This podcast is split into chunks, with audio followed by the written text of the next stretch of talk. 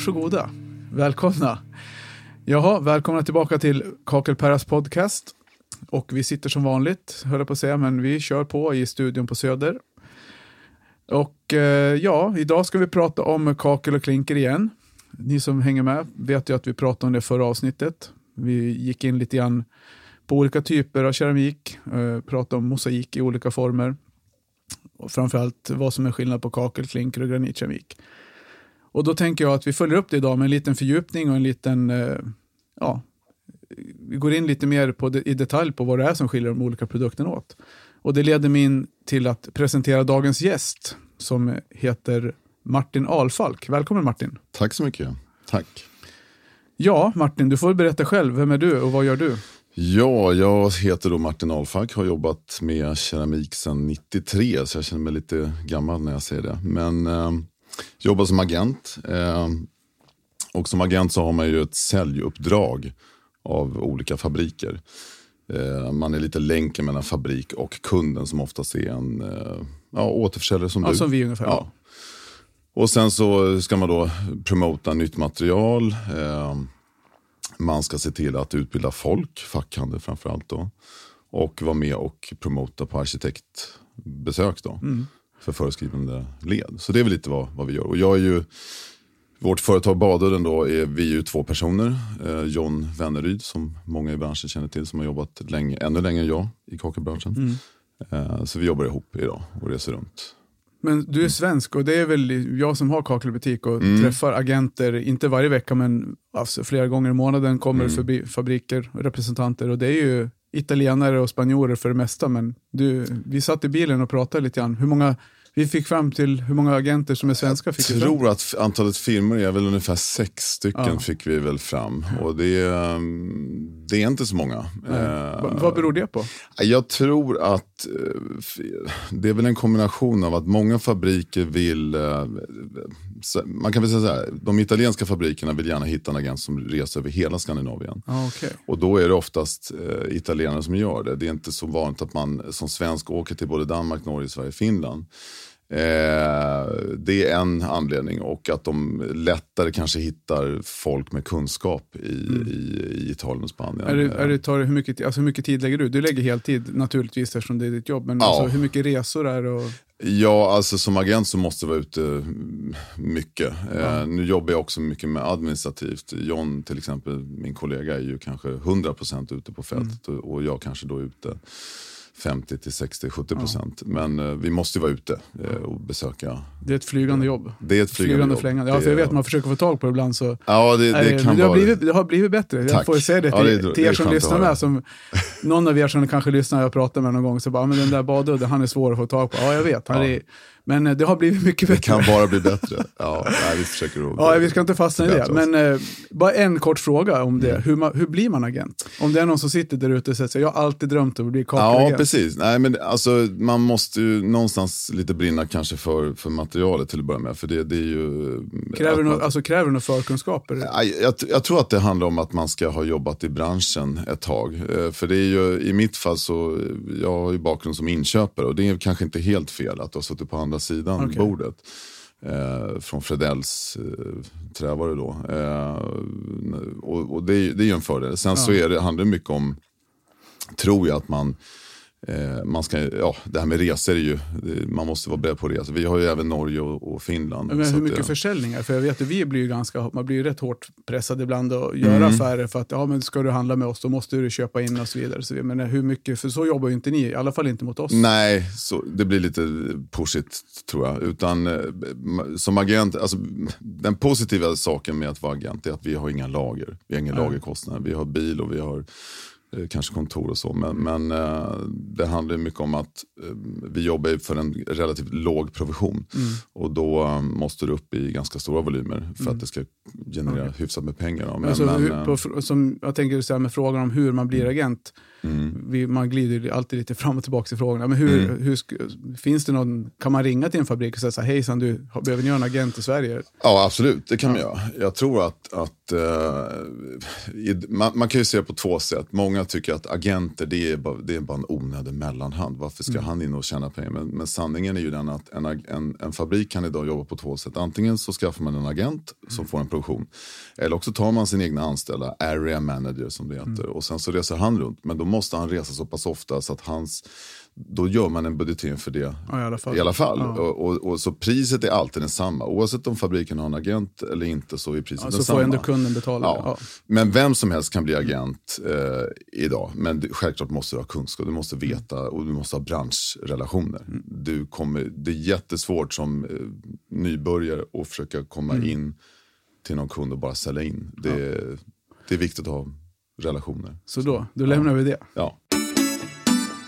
Ja, men då går vi vidare på nästa punkt och det är ju det som är själva temat med den här. Nu har vi fått en liten introduktion. Mm. Vi har inte pratat så mycket om hur vi träffades och det sa jag egentligen till dig att det skulle vi ta på den här punkten Ja, förra. just det, så just vi det. backar till punkten innan och säger punkten B där då. Ja. Hur, hur, jag, jag kommer faktiskt inte ihåg, jag vet bara att vi har haft kontakt under typ så här fem, sex, sju år. Ja, jag tror att det, är nog en, jag tror att det var 2010-2011 då du ringde mig om att du behövde Sitchis mosaik. Jaha, var det det Och då? jag kände inte, jag, jag hade hört talas om ditt namn Ja. eh, och din butik men inte mer än så. Så jag dök upp med lite prover där tror jag. Ah, och sen okej. så blev det någon affär faktiskt. Så att, eh, det var, Mm. Jag tror det var sju, åtta år sedan. Ja, ja någonstans. det är så. Okej, Så, ja. ja. då, du ser. Sen har du, ja, vi gör ju lite affärer så. Ja, absolut. absolut. Både med Scandikakel och med Kakellaget, så det, är- det är roligt. Exakt. Ja, Ja. ja. ja, men då, då har vi rätt ut det. Ja. Det var en viktig fråga för Ja, mig, jag kommer exakt. faktiskt inte ihåg det. Nej. Eh, nej, men kakel och klinker då, då börjar vi där och det var det vi, vi sa ju det. Eh, vi börjar med kakel, för det är Mm. det vi använder i de allra flesta fall inomhus på väggar, kök, Ja. badrum. Och tittar vi där, ja, men fördelar, möjligheter, vad, vad säger du? Kakel? Nej men om vi börjar så här, kakel är ju då, om, utan att gå in för djupt på detaljnivå. Så, vi kommer, vi kommer till Ja, lite, med ja. tillverkning kommer vi till en punkt senare, Ja, så okej, vi bara okej. pratar allmänt om kakel, Mm. hur, vad du tycker om, ska vi använda mer kakel eller mindre och vilka är fördelarna och nackdelarna? Alltså, Fördelen är att oftast är kakel lite billigare. Eh, det går snabbare att producera. Eh, det finns ju fördel ergonomiskt, det är lättare, ett lättare material. Eh, lättare att borra i, lättare att skära. Så det finns ju de fördelarna då, eh, och priset då, of- oftast. Ehm, nackdelen är väl att det inte är lika tåligt. Eh, Du, som du själv nämnde, du kan bara ha det inomhus. Mm. Eh, bara på väggar. Ja, och sen om man ska gå en generalisera lite kan man säga att kakel har inte riktigt eh, nått fram estetiskt idag som granitkeramik för att man lägger så mycket fokus på granit, granitkeramik. Då. Eller granitkemiken har gått ifrån. Det Ja, man kan, ja det har precis. Tekniken. Mm. har, I och med att tekniken har fokuserat på granitkeramik så, så ligger oftast kakelproduktionen har lite äldre, eh, oftast Mm. lite äldre eh, maskiner kan man säga. Mm. Eller fabrikerna har äldre du nämnde någonting nyss, eller precis här, om pris. Och det är väl någonting som vi pratar mycket om i, i branschen, just det här med, alltså, det finns många företag, eh, stö, större företag som jag träffar i olika sammanhang, där som har svårt med lönsamheten och tycker att branschen generellt har problem med lönsamheten, att det är svårt att tjäna pengar i kakelbranschen. Och där kan ju kanske granitkeramiken är ju med och lyfter det, där, därför att det är oftast ett lite dyrare material, men, men kakel, vad, vad skulle du säga där? Vi pratade lite om det i bilen upp också det här med kakel. Du hade någon tanke där kring olika typer av kakel, kvalitet eller ja. Ja, om man ska se den eh, utan att bli för negativ så kan man säga att eh, idag är 90% drygt skulle jag tro av allt väggkakel är ju vitt. Eh, minst 90%. Och eh, priserna, alltså de priserna eh, som betalas idag för en vit kakelplatta är lägre än för 15 år sedan. Och eh, det gör ju att kvaliteten eh, faktiskt har sjunkit. Eh, Alla jobbar inte med dålig kvalitet, men det är fortfarande så att priserna är så pressade så att eh, eh, kvaliteten eh, sjunker. Och det, det blir enkelt så för att, en, en, för att en fabrik ska kunna gå ner i pris och tjäna mindre pengar så, blir, så måste de eh, måste tumma på kvaliteten. Ja. Och då går plattan kanske 10 minuter kortare tid i ugnen. Eh, du har inte tillräckligt bra en gobb som du pratade om Mm. i förra avsnittet. Eh, du får en eh, eh, kanske plattor som är lite skeva. och, eh, Men hur går, hur går det till där? Nu ska vi visserligen prata produktion lite grann senare, men alltså just det där med eh, jag har fått förklarat för mig att när man sorterar ut första sortering och andra sortering, det har lite grann att göra med hur bra ugnar man har och hur bra teknik, teknologi man har i fabriken. Och det hänger väl på hur mycket pengar man tjänar antar jag. Men, men just där när du sorterar ut en första sortering, hur, hur mycket påverkar det priset? Jag menar, ju större första sortering du får ut, desto mer tjänar väl fabriken på den, på den produktionen kan jag tänka mig. Men hur, hur tajt ligger man där när man sorterar? Finns det något vad är det som styr det så att säga? Ja, sorteringen Storlekar är och oftast, skevhet och ja, precis. Om det är en hyfsat modern fabrik så, så sker ju eh, sorteringen autom- den är automatiserad. De gamla fabrikerna står ju en person och, och sätter gula streck på och så går det till andra sortering. Men annars är det oftast automatiskt och lä- läser av i en kamera. Eller, ehm, och, ehm, men, men problemet är väl lite grann, eller man kan säga så här, eh, när de producerar plattorna så är det ju inte så att det kostar jättemycket för att få en riktigt bra kvalitet. Utan det handlar om hur gammal är maskinparken. Eh, att plattorna är så lång tid som de ska i ugnen. Att du har en bra engob, en bra glasyr, en tjock glasyr. Eh, och det är inte så att det kostar jättemycket mer att gå från en dålig engob till en bra. Vi kanske pratar eh, utpris på ett, ett projektpris kanske skiljer 8 kronor kvadraten max. Ja. Eh, men, men priskonkurrensen har blivit så snä, eller konkurrensen har blivit så hård och pressat priserna så att för mycket fokuserat på priset. Men om man då- säger 8 kronor per kvadratmeter, det, är det, en, det är en summa som du tror skulle vara relevant om vi skulle titta på det. Så då kan man bara tänka sig, om du har ett projekt med, Ja, med 1000 kvadratmeter mm, och så får du skillnaden att du får en gnällig plattsättare som får ske, Mm. skeva plattor mm, eller med sprickor i glasyren eller Mm. någonting till Mm. att du har en plattsättare som inte säger ett knäpp. Det Mm. skiljer 8 spänn. Det är Mm. alltså 8000 på 1000 kvadrat. 8 kronor, ja precis. Där någonstans, 8, säg, mellan 8 och 15 kronor. Ja. Det är inte mer. Eh, men, men tyvärr är vi där idag. Att det är för mycket reklamation. Och det är ju den här som, som, vi, som du pratar om. Att man, plattorna blir eh, blåa. Ja, Eh, men de, när, när, när de suger in fukt, vatten så, så ändrar de färg på, Mm. på, även på framsidan. Nu vet inte jag idag hur, det, hur stort det problemet är och som jag sa i förra avsnittet så var det för ett antal år sedan som det var relativt många som hade problem med det. Just nu vet, har inte jag någon information om hur det där ligger till. Det kanske du vet mer om. Nej, jag, jag, jag har inte hört det absolut senast, men jag vet att det blir bättre och bättre och det är jättekul. Vi, vi jobbar ju aktivt allihopa, alla som är i branschen vill ju att det här ska bli bättre. Men, men det, problematiken har egentligen varit att priserna styr för mycket kvaliteten. Men, men det blir bättre och om jag platssätter idag så skulle jag eh, faktiskt, om det är ett viktigt projekt och speciellt om det är många badrum, så skulle jag lägga plattorna, de vita plattorna i en, en eh, hink med vatten och låta dem suga en timme. Och eh, har du en förändring på framsidan eh, som syns, att det blir som en linje, att här har vattnet sugits in, då skulle inte jag sätta upp den. Eh, och, och det, jag tror att vi pratar för lite om det här, för det är fortfarande ett branschproblem, men det blir bättre och bättre. Blir-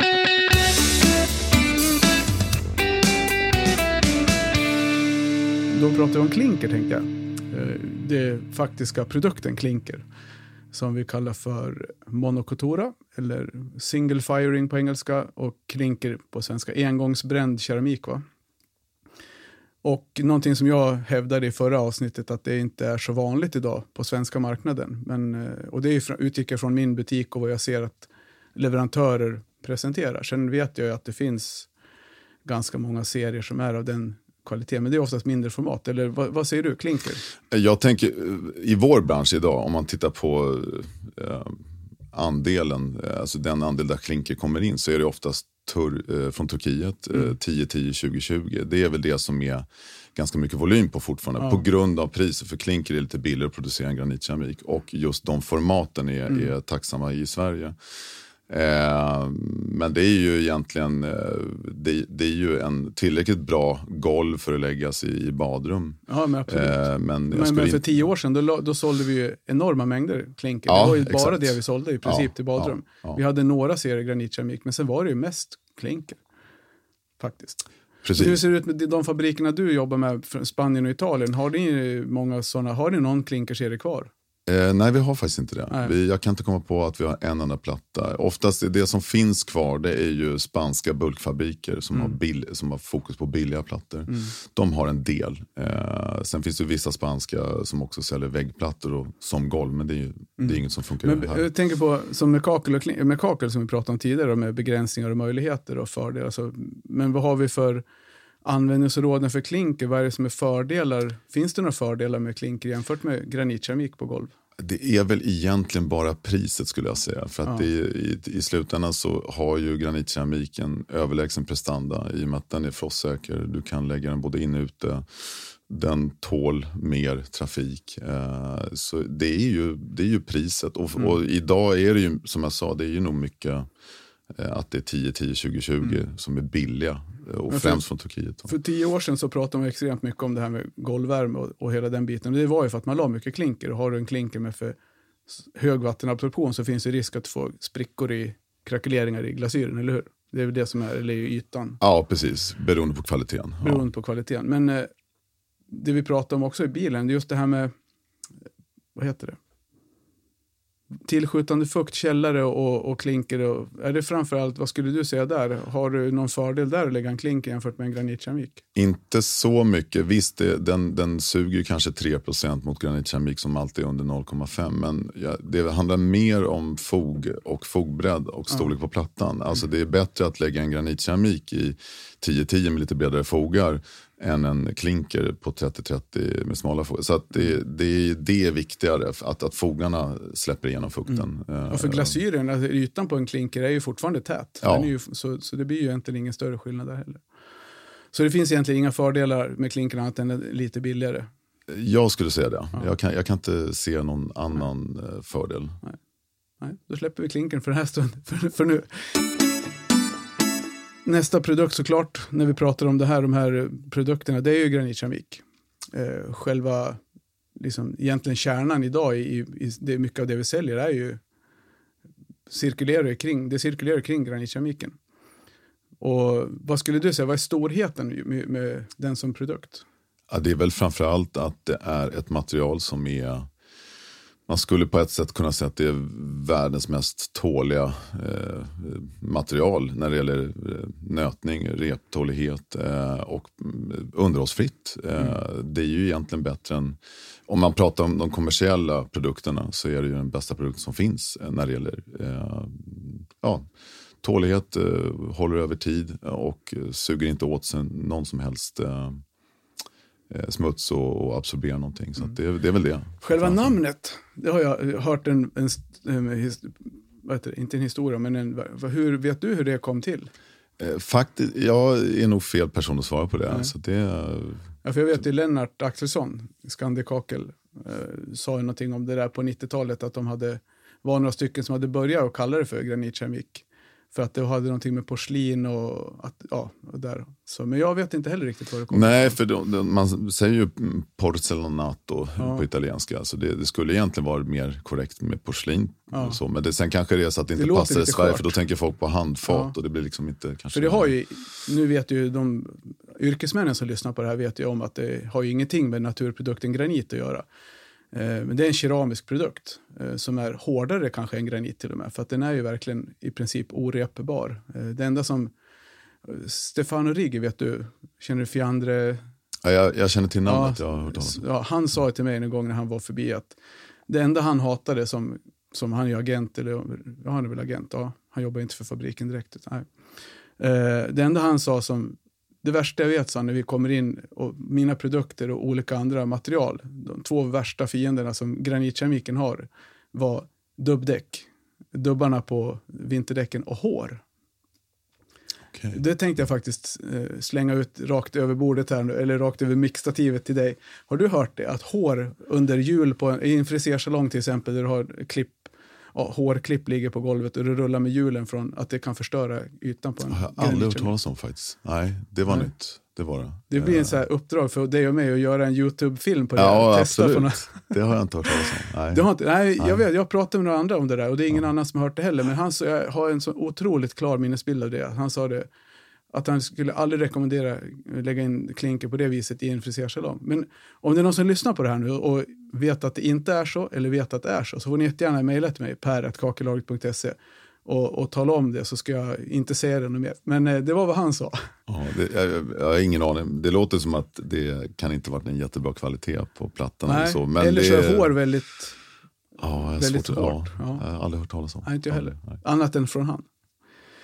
Ja, men som sagt, men eh, ja, granitkeramik. Den är ju överallt nu för tiden. Och man använder den på golv, man använder den på vägg. Man kan göra Och är det en av de stora fördelarna jämfört med kakel, att du kan göra stora Alltså kakel, det största kakelformatet som ni säljer, vad är det? 30 x 90 vet jag vi har köpt någon gång. Ja, eh, det finns ju 60 120 och lite större. Sen, finns det, ju, ja, ja. sen finns det ju hybrider då som vi kanske kommer in på sen. Men, ja. men eh, det är sällan större än 60 120, sällan. Nej. Och det har egentligen kanske mer att göra med, lite grann mer att göra med att maskinparkerna oftast är lite äldre. Mm. än, än uh, för granitkeramik. Då. Men, men eh, så, så fördelen med granitkemiken är också att du kan göra den i väldigt stor format. Exakt. Ja. exakt. Och det pratade vi om med, med, med Rickard, en annan branschkollega. Ja, just det. Eh, om slabs och jättestora format. Så, men vi kommer in lite grann på det sen när vi pratar produktion.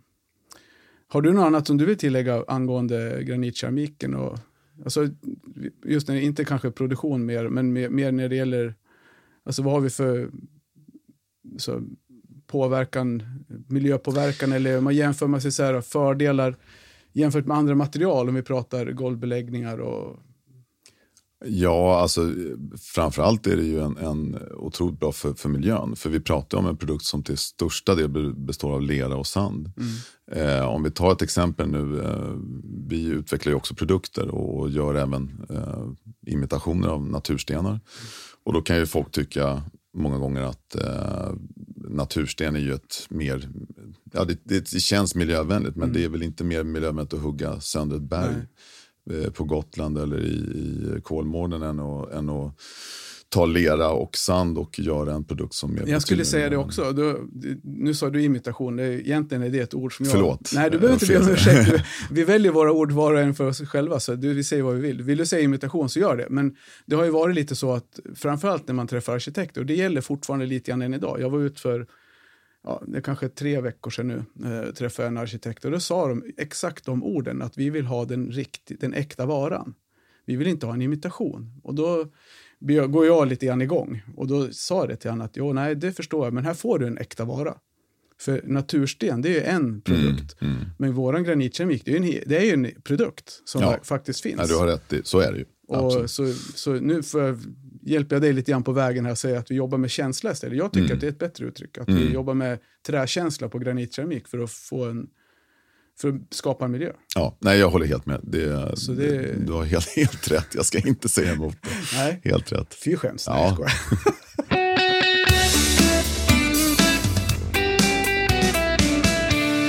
ja, vi kan ta lite grann om mosaik då, innan vi går in på tillverkning. Ja, precis. Vi kan det som eh, produkt. Ja, som produkt. Ja. Ja, nej, men det är ju, idag är ju, om vi tar glasmosaik ja, då, om vi nu pratar om det, eh, så kan man säga att det är en produkt som har sjunkit lite i popularitet. Eh, men det finns ju många fördelar. Eh, framförallt eh, när du ska klä in pelare, sittbänkar. Det finns en, en stor fördel i formatet som gör att du kan forma mm. keramiskt på ett sätt som du inte kan med, med stora plattor. Mm. Eh, och sen är det ju också estetiskt så är det ju väldigt snyggt om du har en, en exklusiv mosaik. Mm. Du kan förhöja ett badrum genom att bara göra en, en nisch. Eh, till exempel. Och, och, så det finns många estetiska fördelar och även då att du kan forma eh, produkter. Sen att produkten inte är lika populär idag, eh, det märker vi. Ja, eh, men det, det går ju vågor. Det kommer ju komma tillbaka och bli en mer trendig produkt. Men, men eh, så, så det, är väl, det är väl framförallt där. Och det är mycket, fortfarande mycket spa, badrum och där ja, som, ja. som och, och, sen kan det också vara eh, hotellrestauranger som fondväggar och så. Mm. Men just när det gäller mosaik då, eh, då har vi, jag pratade lite allmänt om det förra avsnittet, just med som, som vi sa vitrifierad mosaik. Eh, och sen finns det ju, och det är gjort på ett typ av returglas eller krossad glasmassa som man smälter ner och, och, och formar. Men det som ni jobbar med, du nämnde Sitchis bland annat, som, eller som ni jobbar med. Det finns mm. ju många andra fabriker, men du får ju nu jobbar du med Sitchi, så då lyfter vi fram dem. Då. Ja. det gör ju vi med då, i mån av att vi samarbetar. Så, men berätta, vad, vilken, hur ser deras glasmosaiker ut? Vad är det för sorts glas? Ja, de kallar det för Murano-glas. Eh, nu finns det en, en lång historia om, om en, en ö utanför Venedig där man hade en kunskap om hur man producerar just Murano-glas. Men det är, man kan väl säga att deras eh, glas bränns i väldigt hög temperatur och blir väldigt eh, tekniskt Mm. bra. Att det funkar i, i pooler till exempel, att den inte spricker av tryck och sånt där.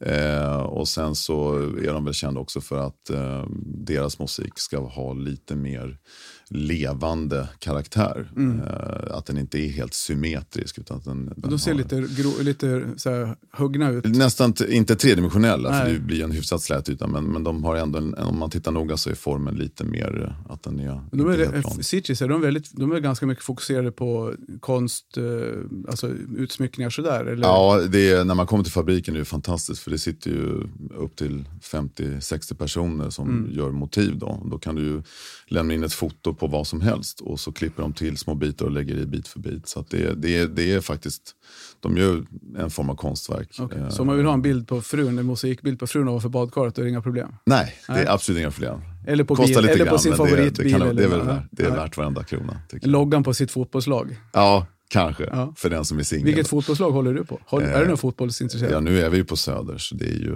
Oj, Hammarby. det är Bayern ja. Det är Bayern.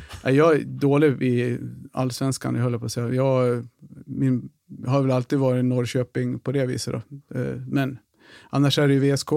De harvar ju superettan, eller harvar, de har nyss, nyss klivit upp. Eh, Premier League då, vad håller du på där? Ja, det är faktiskt Manchester United för du gammal skulle säga Västerås. Hammarby där. Det är faktiskt så. Hammarby. Nej, nej, då. Eh, nej, men eh, jag tycker kul när, speciellt med Viktor där, Ja. som du som kommer från Västerås väl? Ja, precis. Så Ja, eh, Lindelöf. mm. Jo, han är duktig. Han har gjort det jäkligt bra. Jag har ju alltid hållit på Liverpool. Inte bara för att det går bra för dem nu. Jag, ända sedan jag gick i högstadiet så har jag tyckt det var, när Ian Rush var stor, då var, började man gilla Liverpool. Så det är extra kul nu när det går riktigt bra för dem. Ja, det, de är ju otroligt duktiga. Eh, ja, musik, vi gled ifrån ämnet där, men eh, utsmyckning. Eh, och sen övriga användningsområden för, för glasmusiken, det är som du sa, det är pooler. Och det är ju badrum och kök och allt möjligt. Ja, Ja. egentligen, det finns ju ingen begränsning där heller. Du kan ju lägga, i, i Cities fall kan du faktiskt lägga på golv också. Eh, de, de har betydligt bättre eh, reptoalhet än, än i- på grund av att det görs i så pass hög temperatur. Då. Men, men det, det, det är ju mest spa, badrum. Eh, Men kök då, också. pooler då, för er, med er musik. Har ni, om, vi låt oss säga att vi ska köpa musik till en pool och, från Sitges, är det papper på framsidan eller har de nät med lim som håller eller hur jobbar de? Ja, det, det ska vara papp på framsidan. Eh, även om deras nätbaksida funkar egentligen eftersom den, den har den prestandan. Men vi rekommenderar alltid eh, papp på framsidan. Mm. För det finns ingen anledning att ha någonting mellan fästmassa och produkten Nej. som ligger emellan. Eh, så det är papp på framsidan. Eh, Men vi, jag tycker vi går vidare då på tillverkning. Vi börjar med kakel, så vi börjar med på den förra Ja, precis. avdelningen. Eh, egentligen är ju, om man ska ta grunden då, så är kakel, det är också lera, sand eh, som grund, Ja, men- bas. Då. Eh, det som skiljer är att, att, eh, att dels är det ju då temperaturen. Eh, Det kanske är någonstans runt eh, 800 grader. Eh, kan också vara lägre. Eh, när man bränner plattan. Det går lite snabbare. Eh, du har eh, alltid en bas på leran som kan vara en helt annan färg än, än glasyren. Mm. Eh, I, I Italien jobbar man mycket med colored body som det heter. Då, är ju, då jobbar man med att eh, kroppen har samma grundfärg som, som ytan. Men i kakel så har det egentligen ingen betydelse för den är alltid glaserad. Mm. Eh, och, eh, så det är egentligen eh, grunden samma teknologi, eh, eller samma grundämnen. Men det är framförallt temperaturen och att den då får en högre vattenabsorption. Oftast över 10 procent i alla fall. Andra, annan med teknik, är där med, du bränner den två gånger kanske?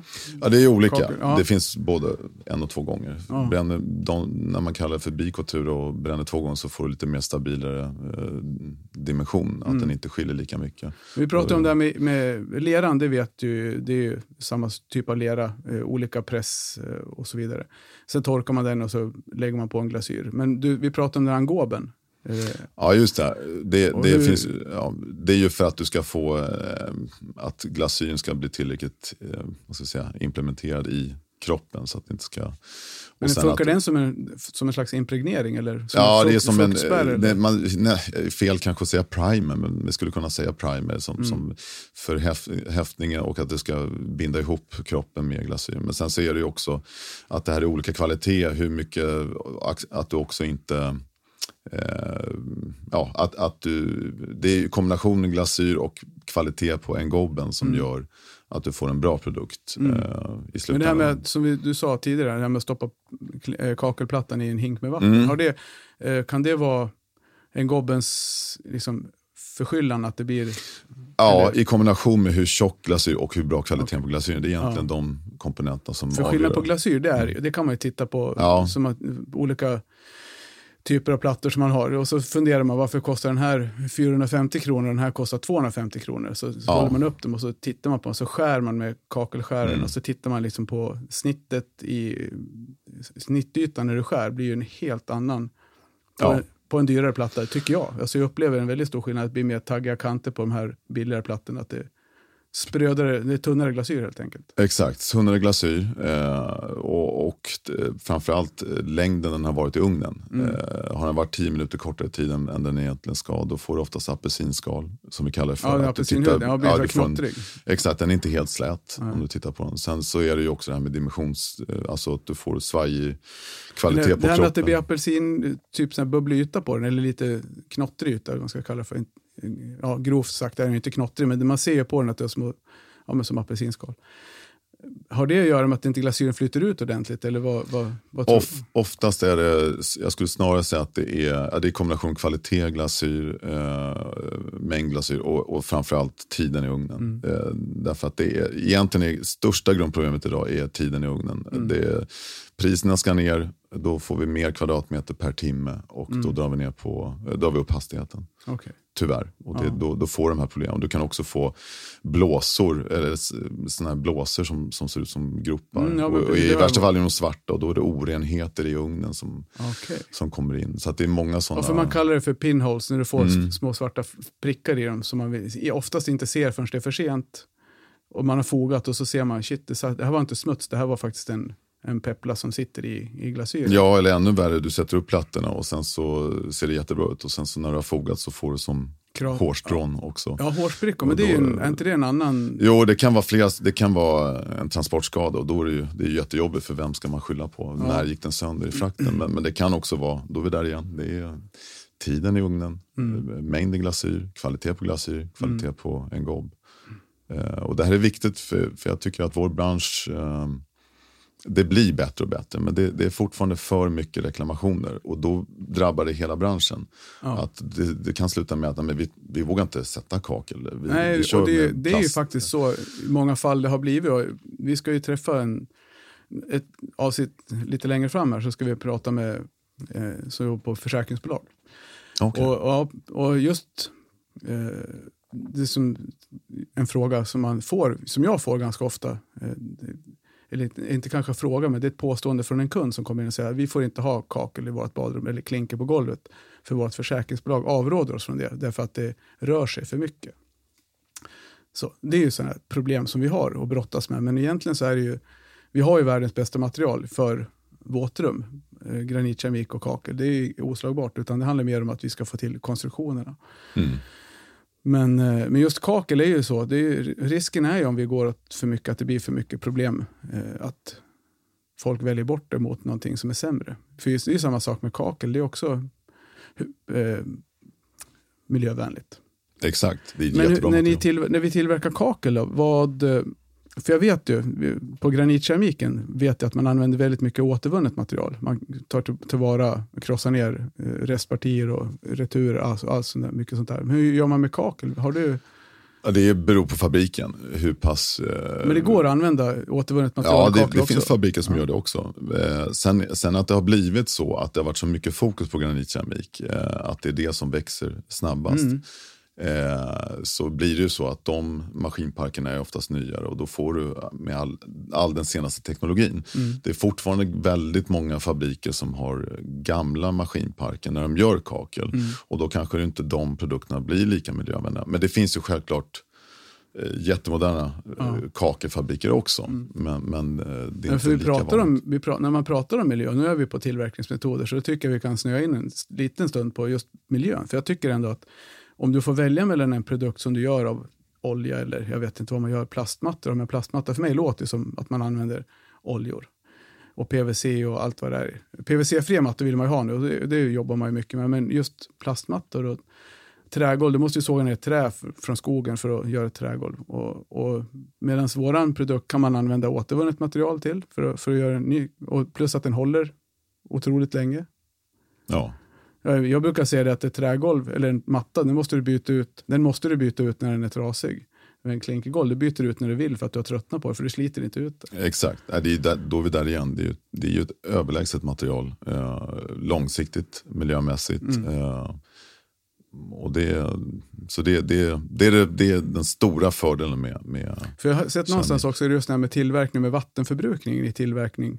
Att du har någon slags noll, nollsummespel med vattnet. Vet du Ja, du, har, det ing, det, du har ju, på de moderna fabrikerna så har du ju reningsverk som, som filtrerar vattnet om och om igen. Så Mm. det, är- det är därför också som, som det går åt enorma mängder vatten. Mm. Eh, och då får du ju, de fabrikerna får ju de här ekocertifieringarna och Ah. ISO-certifieringarna. Då.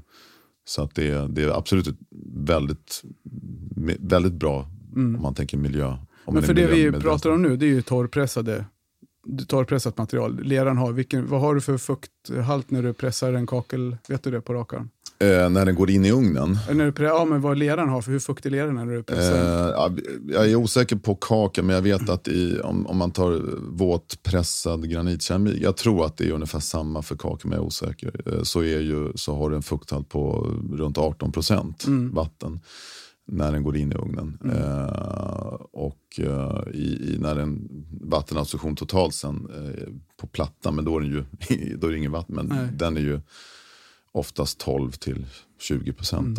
För vi, nu vill jag bara tillägga det här, för det sa ju du till mig när, vi, när jag bjöd in dig till det här, att du får ju inte säga att jag är någon expert, för du är ingen... Du, Nej, det finns killar på, ska på BKR och, som är hundra gånger bättre än Jo, nej, men jag menar så allmänhet så är det ju, alltså, du är agent som har hållit på med kakelkeramik sedan 93, så Jo, du kan ju absolut. betydligt mer än vad jag kan och du kan ju betydligt mer än gemene man. Så, så lite expertare, men så, ner på liksom, procentnivå på vatten, det förstår jag, det förlåter jag dig för. Ja, det är bra. Det är bra.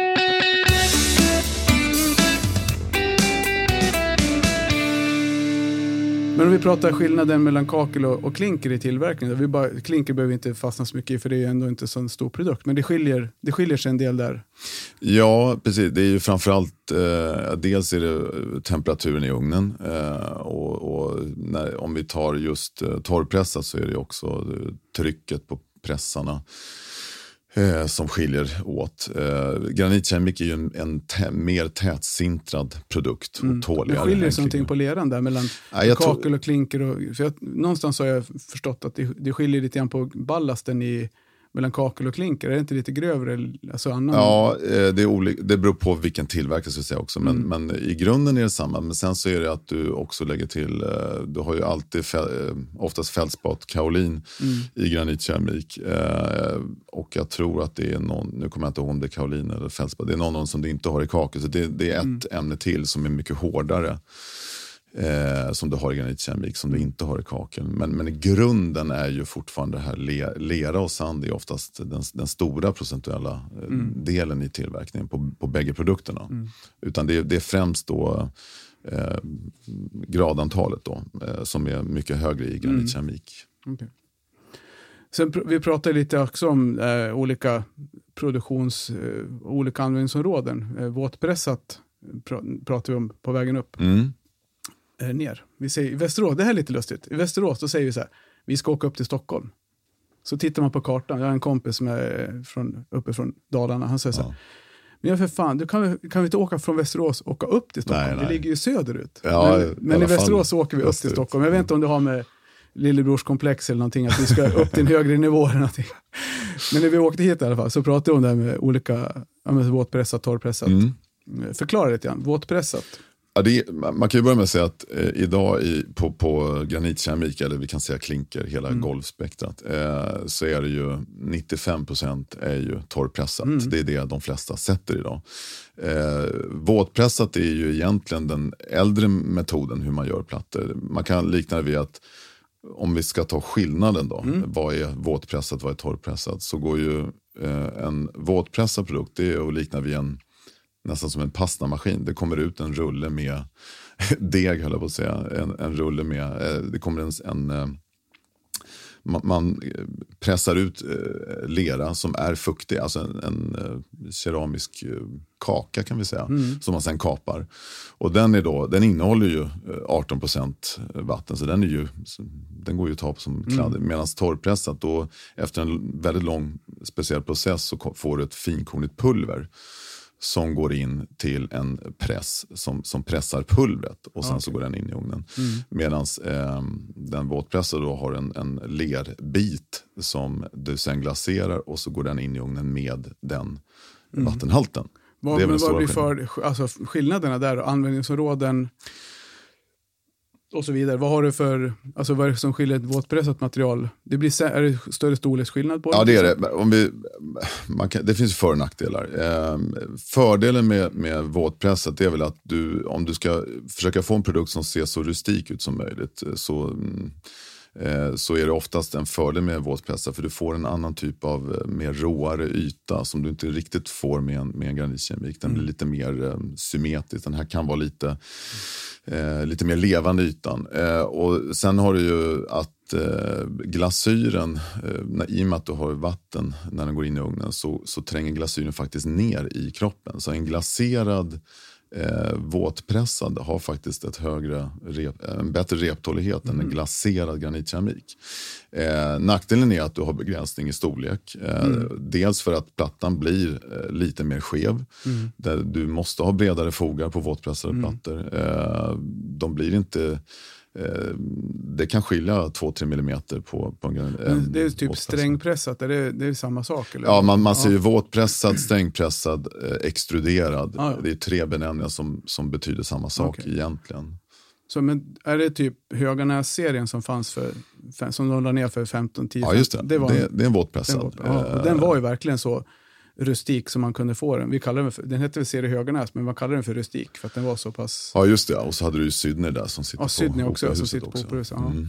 Ja, men det var ju typiska, som de mm. flesta mm. kanske känner, kan, i alla fall de äldre kakelsättarna. Ja, det... De känner ju till den serien, de plattorna som ligger i otroligt många skolor runt om i Sverige. Exakt. Det, det viktiga är ju att för den platsättaren som ska sätta en våtpressarplatta, att han måste ha bredare fogar, ja. för annars kommer han få problem. Det är mm. till och med så att du kan hitta plattor idag med pilar på baksidan, mm. där du ska följa den riktningen. För plattan kanske inte är 200 gånger 200, den kanske är 200 gånger 198 och då mm. måste du för att få en, en korrekt ja, med fogar. Så, det så. pratade jag med Pelle, när, ja du vet vem Pelle är, turk. Ja, just det, just det. Mm. Om det här med de här glasyrkanterna som vi fick från han, där, där, där de var 9,7 åt ena hållet och 10 åt det andra. Ah, okay. Om vi inte vände, vände vi inte glasyren uppåt då gick det inget bra. Ah, okay, okay. Det tog ett tag innan vi kom på det. Men, ja, ja. Men, eh, men annars då, användningsområden för våtpressat, kan du göra, är det lite så att du kan göra special, mycket specialbitar formade eller är det fördelen också att du får Exakt. kantbitar, poler och... Eller... Ja, du kan alltså böja plattorna på ett annat sätt som blir svårt med torrpressat eftersom torrpressat är ju liksom finkornigt pulver som du pressar. Eh, och det gör att oftast så i en, en, ett poolprojekt till exempel så är oftast kantplattorna som går ner i en böj är ju oftast våtpressade och så kanske grundplattorna är, är torrpressade. Så det är ju det, eh, mm. trappstegsplattor och sånt där. Eh, så det är, en, det är en stor fördel att du kan forma dem på ett annat sätt. Sen har du ju på ventilerade fasader så har du plattor som du har eh, du kan forma baksidan så att du hänger plattorna kan man säga. Aha, okay. eh, vilket också är en fördel om du ska ha den typen av eh, mm. fasad. Mm. Eh, men det är väl där det som är skillnaden lite grann. Ja.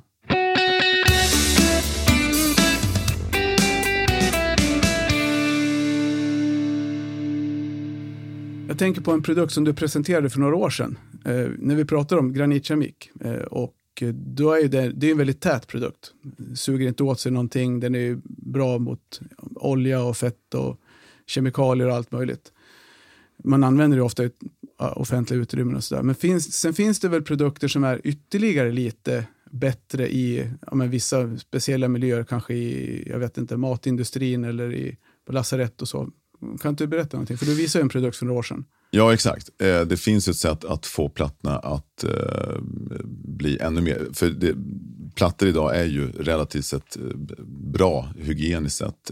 Och det beror också lite på ytan, hur slät den är och vad som kan få grogrund. Om man har en väldigt strukturerad platta så kanske det kan fastna lite lättare ihop med smuts och sånt. Mm. Men om man säger generellt sett så är eh, granitkeramik jättebra att ha i uh, utrymmen där det krävs bra hygien i kombination med rätt fogmassa. Mm. Eh, men sen finns det sätt att sätt, eh, tillsätta silverjoner i produktionen som gör att, att eh, 99,9% av alla bakterier eh, får, inte, får inte fäste. Mm. Eh, så det är väl det som kan vara en fördel i, i kanske sjukhusmiljöer och även eventuellt matindustrin. Då, eller, men vet du, finns det några krav? Ja, det där, jag, nu får jag det är bra med en sån här podd, för där kan man vara precis hur ärlig eller oärlig man vill. Men det är väl ganska kul också att vara ärlig med att man inte kan allt. Eh, har du någon koll på krav och sånt där? Alltså finns det några krav på att det ska finnas i vissa miljöer? Jag vet att fogar är det ju krav på ibland. I, eh, man rekommenderar från leverantörer, men så kräver man ibland från beställare att det ska vara kemiska fogar, typ epoxyfogar i, i kök och så vidare. Men på, just på plattor, känner du till om det finns några krav på det? Nej, jag har inte hört eh, någonstans att i, i den här typen av sjukhusmiljö eller restaurangkök så ska det vara antibakteriella plattor. Det har, mm. det har jag inte hört, men jag, jag, kan tänka mig att det är något som, som kanske kommer. Eh, I och med att det finns plattor som, som mm. har de egenskaperna. Men jag har inte sett att det skulle vara ett krav någonstans faktiskt. Då, då, gör vi så här, då lägger vi ut en brasklapp här ja. helt enkelt. Att är det så att det sitter någon här ute och lyssnar på det här och känner att ni verkligen vill ha en antibakteriell platta, eller en platta med antibakteriell yta, så får ni väl höra av er till oss, så sätter vi ihop ett paket och skickar på posten. vi faxar en platta. Nej, men gör det. Hör av er om det är så att ni, att ni känner att det, ni vill veta mer om det här, för då tar vi fram information. Och det var, tänkte jag också säga här, eh, när vi pratade om eh, eh mosaikerna där som Martin pratade om, eh, Sitchis bland annat, så kanske är tanken att vi ska göra ett eh, blogginlägg om ambitionen är att vi ska göra ett blogginlägg inför varje poddavsnitt. Nu har vi inte riktigt hunnit med det, men eh, så det här blir en bra vad heter det, 2.0 på det, så kan ju, du skicka lite bilder på några ja, så fina konstverk, så lägger vi ut det på, på bloggen. Absolut. Mm. Så ja, men då, då finns det i alla fall sådana typer av plattor. Men du sa någonting också om eh, silverjoner, det var ju för att de döda bakterierna när de kommer på, på plattan. Men sen hade du någon, vi pratade om det här med Eh, solen på fasader och det. Ja, just det. Det, och det var inga fabriker som du jobbar med. Nej, vi, nej, behöver men, inte, men... vi behöver inte nämna några varumärken så, men jag tänker mer rent tekniskt så finns det produkter som, för jag vet att puts, det har någon, någon putsyta som renar sig själv med någon fotosyntes. Mm. Är det typ samma sak på plattorna? Jag, tror, jag, tror, jag tror det för att det finns eh, plattor som främst är gjorda för fasad där man tillsätter någon, slags, någon form av titaniumdioxid och då när ljuset träffar plattan så blir det någon form av syntes, eh, mm. vilket gör att man, man kallar det för självrengörande ja, plattor. Fotosyn, jag vet inte. Vad nej, en... nej, kanske fel uttryck. Men, men, någon det form händer någonting. Det, händer, det händer någonting. Eh, så det är väl den allra senaste som jag har hört talas om. Då. Eh, så det är kul när det kommer nya produkter. Eh, det är jävla bra teknisk podd när vi sitter ja, och slänger oss med fina begrepp som vi inte vet. Nej, nej, nej, nej, nej exakt. Björn han sitter bredvid och skrattar. Det är ungefär som konstiga gig. De slänger också ut massa, massa roliga saker. Ingen aning, nej precis. Men det är bra, men det får inte vara för allvarligt heller. Men ja, jag tycker vi, vi belyser nog rätt så många bra, bra saker. Och som eh, vi brukar säga, vi tar gärna emot feedback på det vi pratar om i podden. Eh, berätta gärna för era bekanta om ni gillar det ni hör. Eh, sprid via era kanaler om ni gillar det ni hör. Det är vi bara tacksamma för. Eh, där har ni ju mer information om, eh, i, ja, i bloggen finns det information om det mesta som vi pratar om. Och vi kommer ju komma med ett kort avsnitt till eh, inom någon vecka efter att det här släpps. Så kommer vi prata fix och fog. Och det korta avsnittet följer vi upp med ett längre avsnitt om fix och fog där vi har bjudit in en före detta kollega till mig och eh, ja, legend, det är ju hård, det är tunga ord att slänga sig med, men han har väl varit med i många, många år, eh, typ nästan 20 år som teknisk eh, kompetens hos ett stort företag. Vi behöver inte nämna några namn, ni får höra, ni som lyssnar. Ja, då hoppas jag att vi med de orden har lockat några att sprida den här podden till fler. Och eftersom vi sitter i Dwarf Studios, nu kommer Björn skruva på sig bara han tycker det är så. Men jag måste, var, i varje avsnitt så måste jag nämna konstiga gig, för det är den konstigaste podden jag lyssnar på. Den är så jävla rolig. Nu har de varit slarviga och inte publicerat så många nyligen. Spelar in ett avsnitt imorgon. De spelar in ett nytt avsnitt imorgon. Det är, det är lite som när Vikings eller någonting, när det är på gång. Då sitter man bänkad och väntar. Eh, och sen efter det här avsnittet så ska vi äta en sallad, alla tre. Och den salladen kommer från Salladsmagasinet i Västerås och de gör ju fantastiskt goda sallader. Och de har helt nyss bytt ut hela menyn i princip. Men eh, sen har de ju alltid sin månadens sallad och det är den vi ska äta idag.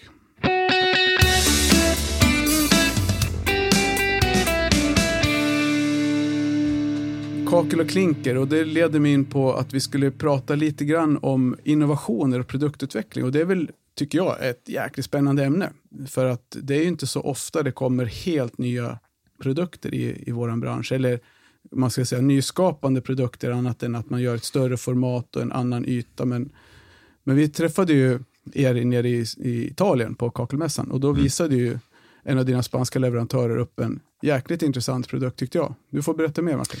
Ja, nej, man, det är en, en produkt som, som är ny på det sättet att det är en, eh, man kan säga en hybrid mellan kakel och granitkeramik. Eh, där man tar fördelarna som kakel har, som vi pratade lite om, eh, med eh, granitkeramikens tekniska egenskaper. Man, I det här fallet så, så har de bara just nu börjat producera Big Slabs, eh, 60 270 eller 90 270 i 6 mm. Eh, fördelen är att, att eh, det blir en flexibel produkt. Eh, lättare att hantera eftersom när du hanterar Big Slab så är Men det säger, tungt. när du säger hybrid, du Mm. menar alltså en hybrid mellan kakel och granitkeramik? Ja, man kan säga att eh, vattenabsorptionen är som kakel, den är lätt. Mm. Eh, men den bränns i en temperatur som är som granitkeramik, 1250 grader. Och då får man en produkt som är lättare att borra, lättare att kapa, lättare att bära. Mm. Eh, framförallt så är priset betydligt, betydligt lägre. Eh, Fast nu skulle vi höja priset. Nej, Jo, jag. Nej, nej, men det- det- nej, men alltså, för det är ofta så här, det, Ja. det pratar vi mycket om i, i vår butik. Vi får frågor, vi har ju satt upp ute på fasaden, det såg det stora Mm. plattor. Och då är det ju, vad kostar den här? Jag vill ha offert i mitt badrum. Ja, vill du ha en fondvägg med två plattor så Mm. kostar det typ 6-7 tusen per platta. Därför att transporten kostar, mm. du får betala för, för liksom fyra pallplatser. Ja, plus emballaget. Plus det, är emballaget det är det som är problemet idag. 1500 kronor. Och då blir det ju dyrt. Men ska du ha ett badrum med 25 kvadratmeter, det börjar bli 15, ja, 10-15 plattor, så blir det ju en helt annan kvadratmeterpeng. Exakt, så är det ju. Och det är väl samma, och där, vill man, där kan det ju vara en fördel då, med den här hybriden. Mm.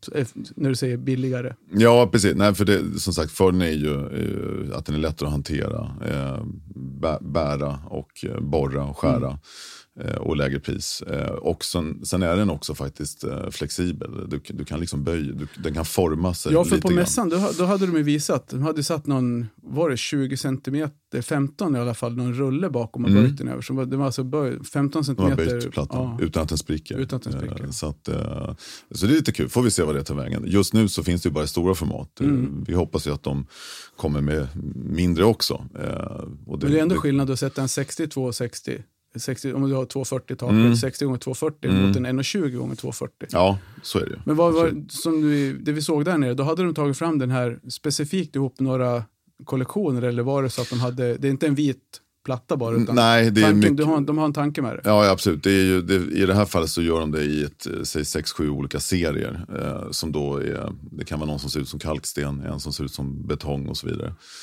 Eh, fördelen är också att de har lyckats med att få plattan att se exakt likadan ut som eh, den plattan eh, i samma serie som är grani- riktig granitkeramik. Mm. Och det har varit ett problem annars med vägg och granitkeramik, att du får inte tillräckligt eh, lik produkt. Nej, Man vill ju ha en klart. 100% matchning. Ja. Eh, Det är därför estetiskt det är bättre att ta granitkeramik både golv och vägg tycker vi. För du får exakt samma matchning. Men i det här fallet har man lyckats göra produkten identisk. Eh, Ja, men för det, det, jag kan ju tycka ibland man saknar, man saknar ka, alltså, man är ju lite trött på vitt kakel ibland. Det är ju helt ärligt så, man sätter vitt kakel överallt. Mm. Och, och en grå fondvägg och ett grått golv. Mm. Och, och det kan ju vara tråkigt tycker jag. Och, så nu har vi, vi har faktiskt aktivt börjat leta lite grann efter och sålt och fått tagit in några serier som är om man säger att du har en cementstil i badrummet. Men du tycker det blir för skarp kontrast mellan en grå platta och en vit platta. Det blir ganska skarpa kontraster. Då har vi några kakelserier som vi kan matcha ihop i färgtoner med. Då. Sen är det som du säger, och det kan jag tycka också är ett problem om jag har en, en serie granitkeramik med, med marmorlook på som, och sen har du en, matchan, en väggkakelplatta i samma serie så blir det ju en glaserad produkt mot mm. en, Det blir inte samma sak. Nej, exakt. Är... Så, så då är det här, verkar som att det är en super... Men sen klart, det är ju fortfarande inga billiga produkter. Vi pratar ju om att det är runt en tusen spänn kvadraten kanske för en sån där. Ja, mycket, mycket på grund av transporten. Och sen ja. är vi där igen, det blir ju också, ju mer, ju större projekt, ju billigare kommer den bli. Mm. Eller man får ner transportkostnaden ja. per platta. Det är ju det som är. Alltså, köper exakt. du ett paket kakel från, från Italien som ska läggas på en, i en tågvagn och köras upp så kostar det paketet kostar ju typ 1000, 4000 kronor att få upp. Exakt, och sen så är det oftast bättre pris på helpall ja, än på så. bruten pall också. Ja. Mm. Nej, men så det är klart, det är, det är ju ganska självklart. Men jag tänker mer att det är ganska intressant också att man kan få då en, en väldigt, väldigt, väldigt liknande produkt. Och det var ju verkligen där den här marmorn som de hade satt, mm. satt där i, på mässan var ju otroligt bra mm. ihop. Och så fanns det, vad det tre olika ytor, plus den här helgrå som de hade också, eller hur var det? Ja, det finns, jag tror att de har gjort det i sex serier sex hittills serier, och det ja. kommer komma mer mm. naturligtvis. Mm. Eh, och sen så i, om, de har ju gjort så att om en serie finns i åtta färger kanske man har gjort den bara i två färger till mm. att börja med och sen så blir det större och större. Ja, man kör ju oftast men, de färgerna som säljer ja, mest. Ja, de, de, mest säljande, mm. exakt. Men, eh, ja, men det, vi, vi lockar med samma som tidigare, att det, det kommer upp bilder på bloggen om det där.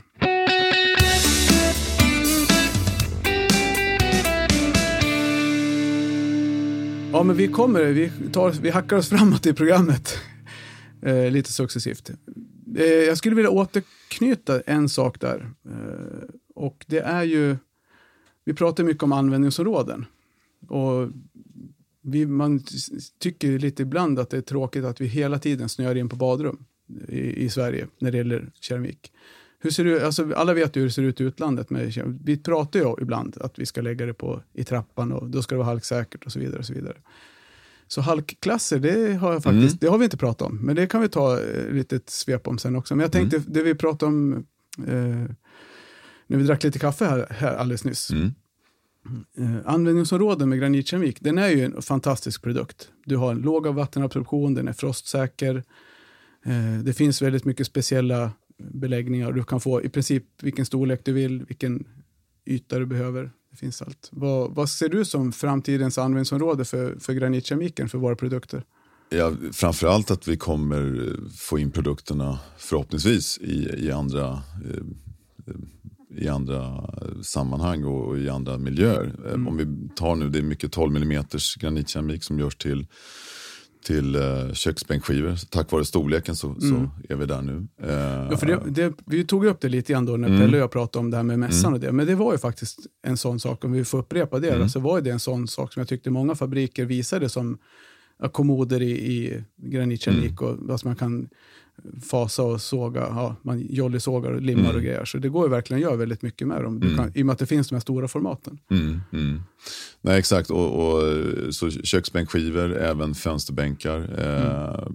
men också överlag att man kan skräddarsy badrumsmöbler nu i granitkemik så att du får 100% matchning med ditt badrum. Mm. Eh, och det är ju det de flesta vill ha, som är så svårt. Eh, så där, där tror jag Eh, det kommer hända en hel del. Sen har vi ju två centimeters plattor för utomhus som också Ja, det, har ju, det kommer ju success ja. alltså successivt. Jag kommer ja. ihåg, du var ju med på vår, vi har en vårmässa varje år som Just du har varit med på mm. några gånger. Mm. Och det är väl, var det tre år sedan du var med?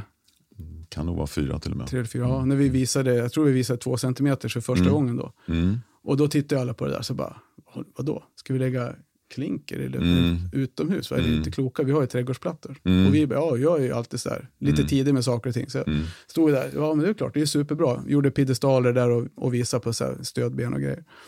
Nej, det var ingen som tittade ens åt det. Då. Men, men sen har det ju flera som har tagit upp det där och det sprids ju lite mer och mer. Så vi hade faktiskt två projekt.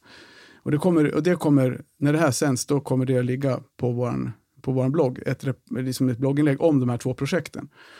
Eh, där vi gjorde en pool runt en pool på grusbädd och på mm. en uteterrass på piedestaler. Och det är ju det är, tycker jag, ett riktigt intressant användningsområde som jag absolut tror kommer bli mycket, mycket mer i, i år. Mm. Men hur har ni sett, ni har väl från flera fabriker, två centimeter så har ju alla presenterat nu. Ja, flera- exakt. Så hur, hur har ni sett trenden där? Går det, är det någon försäljning? Ja, det, det är det. Sen, och den ökar för varje år. Sen är ju, om vi jämför Sverige med till exempel Holland så är vi ju långt efter. Holland har ju många år, säljer nästan mer 2 cm än, än 1 cm plattor. Så där är vi inte än, men det ökar. Eh, och folk, det viktiga för vår bransch är att få fram den tekniska fördelen. En betongplatta är självklart billigare. Ja. Eh, men de suger åt sig. Alla, Ja, alla som har lagt in sig, vet hur de ser ut efter Ja. Mm. några år. Eh, allting sugs rakt ner i plattan och det går inte att få bort smuts och sånt. Och det här är ju en underhållsfri produkt då. Så där har en stor fördel. Eh, nackdelen är väl nu att eh, priserna var ju rätt höga från början. De Mm. sjunker ju nästan för varje år. Och det skiljer Eh. inte, alltså nu skiljer det inte jättemycket. Nej, du kan Faktiskt, hitta, det- eh, precis. Det, det ser bra mycket bättre ut Ja, nu. För förut, absolut. jag tror att när vi startade med det här så var det, låg det på 900 kronor kvadraten. Mm. Något sånt där, och det är ju det är för dyrt. Eh, Så är det ju. Men, eh, Och det har ju också lite att göra med kvantitet, men oftast Mm. generellt sett så var de väldigt dyra. Men, Mm. Och det är ju det, det man oroar sig för när det gäller platset, plattor utomhus, eller granitkeramik och klinker och sättning utomhus, det är ju att det ska få frostsprängningar. frostsprängningar. Men det behöver man inte bekymra sig med här om du lägger på en grusbädd, för då har du ju liksom packat den här enligt konstens alla regler, så Mm. då händer det ju ingenting. nej, exakt. Det kan ju inte spränga sönder, du kan lyft, lyfta upp plattorna enkelt och byta ut dem. Exakt, det är ju fördelen. Sen kan man säga att, att, att eh, ska man sätta två centimeters plattor så är det ju oftast inga problem i, i, gångar och sånt där. En garageuppfart där man kör med bil så rekommenderar man att man egentligen har en, Mm. betongplatta. Eller åtminstone betong. För att om du inte, det händer ju lite saker på Jo, vintern det. med tjäl och så. Eh, och du kör oftast upp garage, på garageinfarten med, med hjulspår som går Mm. hela tiden pressas de plattorna i samma Ja, men just det, på eh, garageuppfarten, riktning. då är det ju då rekommenderat på två centimeter så att man har hårdgjort det helt Ja, betong. exakt. Men exakt. Det finns ju en tre centimeters också som, Jo, som du kan köra bil på. Jo, Så- jo och det, plattorna tål igen. Det är Ja, ja. egentligen det att, att eh, det, det underlaget under, även Mm. om du packar med singel och stenmjöl och allt så, så finns det risk att du liksom Mm. under tid trycker så pass mycket så du bör ha en betongplatta. Men om, för övrigt så, är det, så räcker det ju att, att lägga det. Och som du sa, det går ju att justera i efterhand i och med Ja, att de inte limmas. justera. Ja. precis, det är mycket lättare att justera. Och, och de här på piedestaler är ju är ju väldigt smidigt för det har du ju en, oftast då någon typ av eh, det, takduk under eller Mm. sån här bitumenmatta eller kär, kärläggning, Mm. kärpappsläggning. Och det, den är ju, där rinner ju vattnet av den så där har du ju bara öppna fogar emellan Exakt. och en brunn någonstans. Då. Men just där om du ska dra ut, bara sommarfest på takaltanen, vi ska ut en ölpump, bara dra rören under plattorna, Mm. Ja. Nej, det, hur det- smidigt som helst, vi- flytta el och allt vad det är. Precis, Nej, men vi tror att, att eh, den, alltså användningsområdena eh, i, i och med 12 och 20 mm kommer öka. Mm. Och det är jättekul, för det är ju, det, det, återigen så är det de tekniska egenskaperna som är den stora Mm. fördelen. Ja, det, är absolut finns bättre. inget nej, det finns inget material egentligen. Nej, det är Nej. inte. Men sen pratar vi om fasader. Mm. Hur ser du på det? Är det någonting som... Det, det finns ju lite fasader Mm. runt om i Sverige. Mm. Det är ganska kul. Jag var i Karlstad för, vad kan det vara nu då? Var i, vad är vi nu? Måste ha varit förra våren, före sommaren tror jag. Mm. Jag var nog dit i somras, ja, det spelar ingen roll. Med, med Lennart, Skandikakel. Och då Mm. gick vi Karlstad centrum, så pekade han bara, jag tror det heter Orion, ja, kvart- kvarteret Orion eller något sånt där, centrala Karlstad. Där uppe pekade han, där, där var jag levererade jag 1989 eller 1990. Med clips, 30-30 Okej. plattor på, på clips från, ja, nu kommer jag inte ihåg vilken fabrik det var då, men så det, och den såg ju helt, helt obrukad ut, de plattorna. De hade glidit lite grann på, på Mm. men allt annat var ju helt, helt Mm. och fräscht. Mm. Så, men är det någonting som ni ser, Säl- säljer du något sånt från dina fabriker? Och, Ja, vi har ju en fabrik som heter Kiope och även en som Mm. heter Marca Corona som, som eh, har plattor som är lämpliga för fasader. För oftast vill man ha lite större plattor. Ehm, och även den här Living Ceramic som är från Spanien. Då. Men eh, det är någonting som också ökar och vi blir ju glada om en konkurrent får upp ett stort, en stor fasad. För det gynnar hela branschen och Mm. ökar efterfrågan. För det är ju så, det är ju, då är vi där igen. Det är ju underhållsmässigt, om du, visst det är billigt att putsa en fasad idag. Men när ska den göras om? Det är billigare att, att, att sätta upp något som du målar. Men det, du har en underhållskostnad som många glömmer bort. Så även om projektet blir billigt så blir det ju inte billigt om man räknar in det på lång tid. Nej, nej, det blir det inte. Och så, så det är någonting som ökar och det är jätteroligt. Mm. Och då är det både den ventilerade fasaden där man har luftspalt mellan och Mm. de är upphängda på clips. Eh, eller då limmat. Mm. Och vilket ser du som är alltså, bäst egentligen? Limmat eller för jag menar, limmar du på, det beror på vad du har för underlag.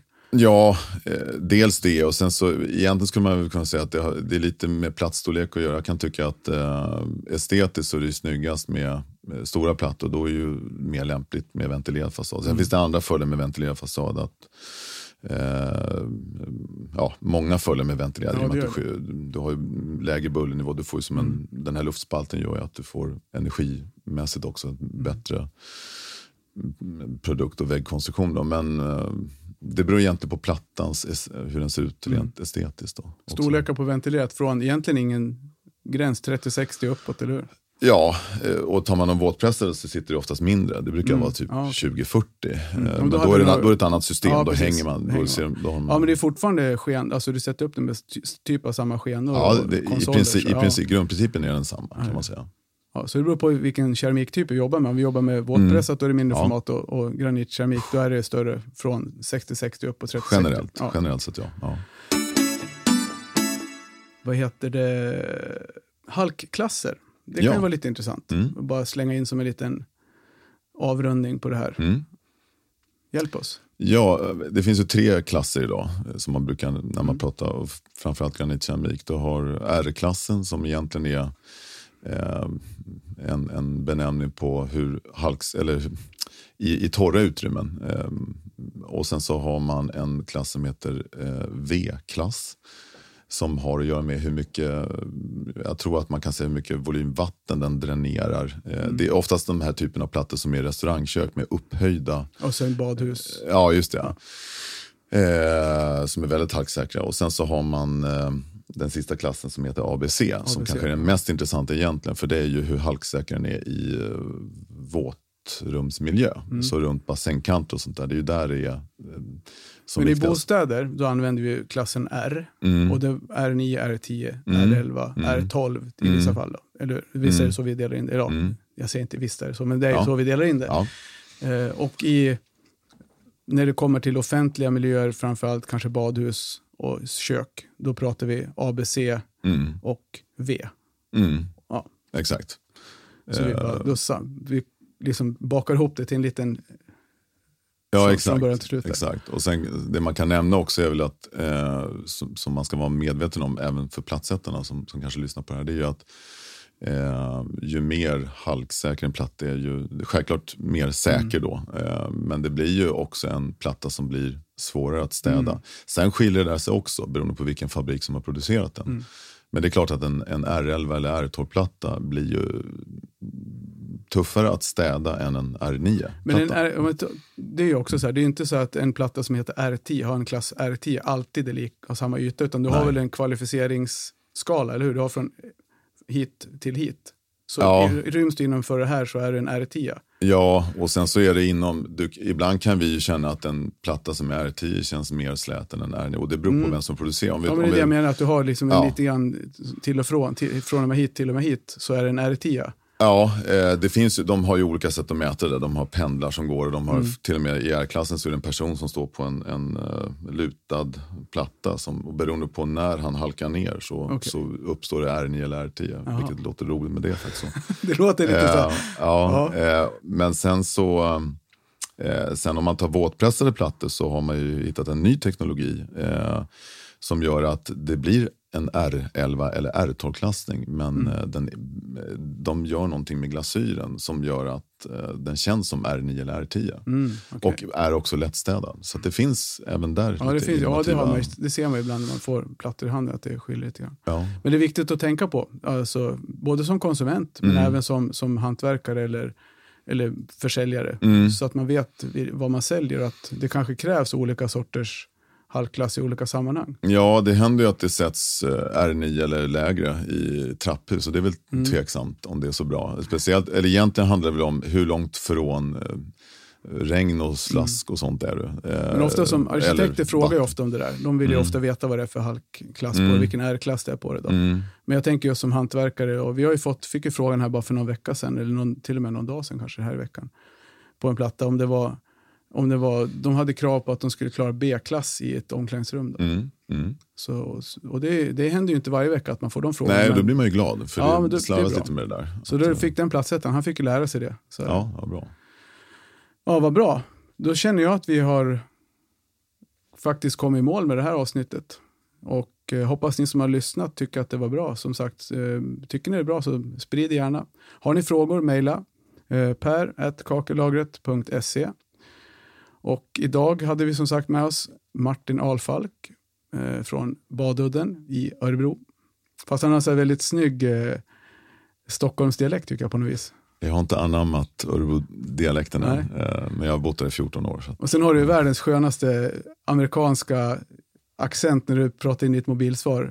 så, så ring till Martin när han har stängt av telefonen så får ni höra. Nej då, men eh, så med de orden så vill jag tacka för den här gången. Tack Martin. Tack så hemskt mycket. Och så Tack. tackar vi Björn och på återhörande.